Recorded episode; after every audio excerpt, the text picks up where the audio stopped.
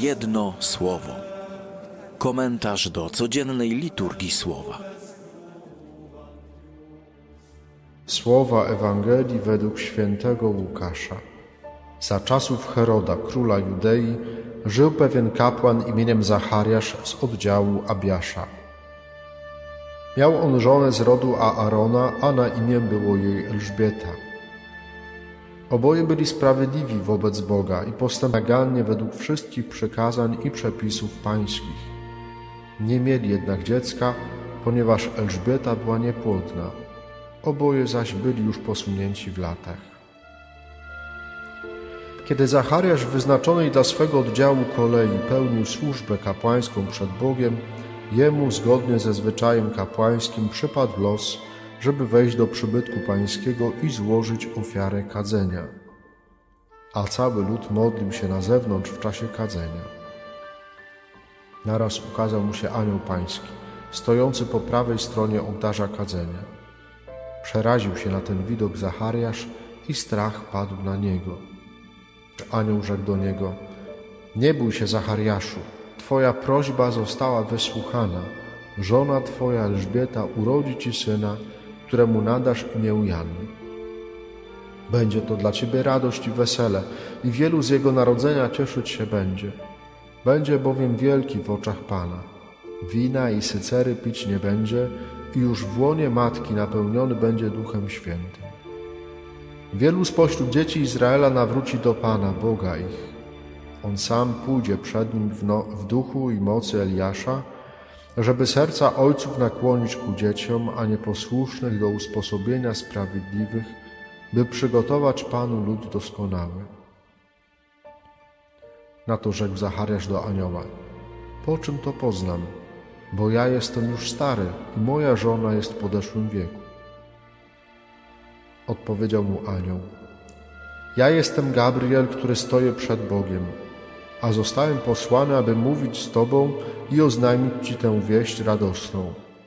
A oto będziesz niemy i nie będziesz mógł mówić aż do dnia, w którym to się to stanie, bo nie uwierzyłeś moim słowom, które się spełnią w swoim czasie. Lud tymczasem czekał na Zachariasza i dziwił się, że tak długo zatrzymuje się w przybytku. Kiedy wyszedł, nie mógł do nich mówić i zrozumieli, że miał widzenie w przybytku. On zaś dawał im znaki i pozostał niemy. A gdy upłynęły dni jego posługi kapłańskiej, powrócił do swego domu. Potem żona jego Elżbieta poczęła i pozostawała w ukryciu przez pięć miesięcy i mówiła – tak uczynił mi Pan wówczas, kiedy wejrzał łaskawie i zdjął ze mnie hańbę w oczach ludzi. Jedno słowo. Po czym to poznam, bo jestem już stary i moja żona jest w podeszłym wieku. Są różne oblicza starości. Pamiętam, że jak chodziłem e, do chorych w Kościęcinie czy w Raciborzu, no to czasami e, ktoś mówił tak, no Panu Bogu to ta starość się za bardzo nie udała. Są różne oblicza starości, z którymi osoby starsze muszą się zmagać właściwie każdego dnia. Dotykają one różnych sfer naszego życia, bo można powiedzieć, że potęgują ograniczenia naszego ciała. Bo nasze ciało jest ograniczone, jest skończone a na starość jakoś te wszystkie ograniczenia y, bardziej dają o sobie znać. To ciało nie jest już takie sprawne jak kiedyś i choć pamiętamy, jak to kiedyś bywało, no to już pewne sprawy są po prostu nie dla nas. Tak sobie myślę, jak święty Jan Paweł II był już starym człowiekiem, to co musiał sobie myśleć, jak widział ludzi, którzy jeżdżą na nartach? I sobie tak pomyślę, Panie Boże, co to będzie, jak ja nie będę mógł jeździć na nartach? Co ja wtedy będę zimą robił? Nie? Te wszystkie nasze ograniczenia no po prostu dają coraz bardziej o sobie znać. Taki jest, taka jest kolej naszego, naszego życia. Ale myślę, że mm, E, Jeszcze jedna, jeszcze jedna kwestia mi się przypomniała. Ksiądz arcybiskup Nosol zawsze na naszych wykładach powtarzał, że tak naprawdę cały czas umieramy. Że całe nasze życie od urodzenia jest jednym wielkim umieraniem, starzeniem się. Także to dotyczy tak naprawdę każdego człowieka. Tylko nie każdy jeszcze jest tego świadomy. Ale chyba o wiele bardziej dotkliwa od starości ciała jest starość ducha, która jest niezależna, absolutnie niezależna od wieku i dotyka czasem bardziej nawet ludzi bardzo młodych.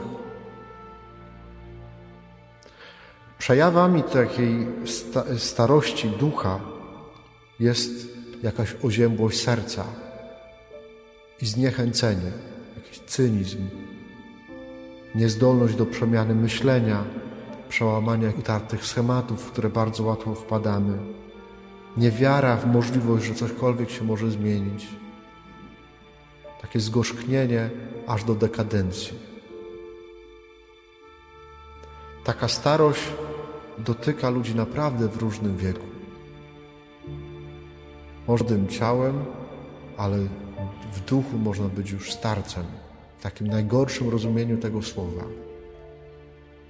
Bo starość też jest wartością, bez wątpienia, jest wartością. I doskonale, o wiele chyba lepiej rozumieją te, ten fakt te kultury starożytne, gdzie starość była oznakiem wartości. Starzec to mędrzec, ktoś, kto wiele przeżył, kto wiele może nas nauczyć. Kiedy Gabriel ukazuje się Zachariaszowi w świątyni, to ten nie potrafi przyjąć anielskiego posłania. To się po prostu nie mieści mu w głowie. Mimo tego, że przez tyle lat był tak blisko świętości, no bo jeżeli pełnił służbę kapłańską, to jakoś to wyrażało to jego, jego pobożność, jego religijność, jego wiarę w to, że Jachwy się człowiekiem opiekuje. Ale jednak nie potrafił przyjąć tego, co mu zwiastuje Gabriel. Przyzwyczajony, czy w jakiś sposób pogodzony ze swoją starością, w tym momencie nie jest w stanie przyjąć dobrej nowiny, czyli Ewangelii, którą Bóg kieruje konkretnie do niego. Będziesz miał syna, będziesz miał dziecko. Że Pan Bóg chce przemienić jego życie, że chce dać mu w jego synu nowe życie.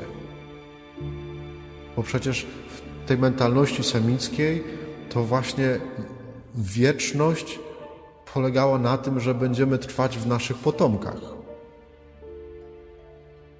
Tak, tak oni postrzegali przede wszystkim życie wieczne, że będziemy, będziemy mieli potomków.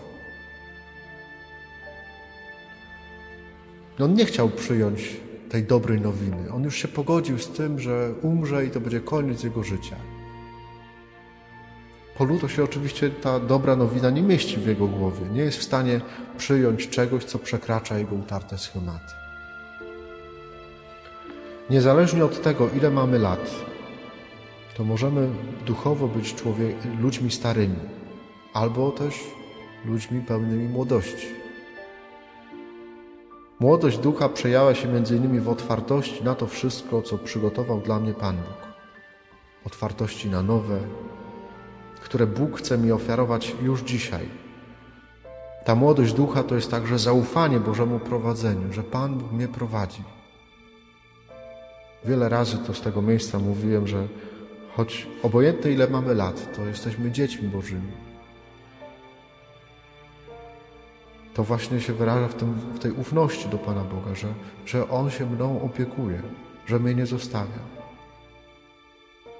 W te święta, które przed nami, Pan Bóg chce urodzić się w moim sercu jako nowe życie, jeśli Mu tylko z wiarą na to pozwolę. On chce wnieść do mojego życia, obojętnie kim jestem, nowe życie. On chce się tam urodzić. I to nie jest tylko taka figura retoryczna, poetycka, których będziemy słyszeć bardzo dużo w najbliższym czasie. Tylko naprawdę to się dzieje, to jest Ewangelia.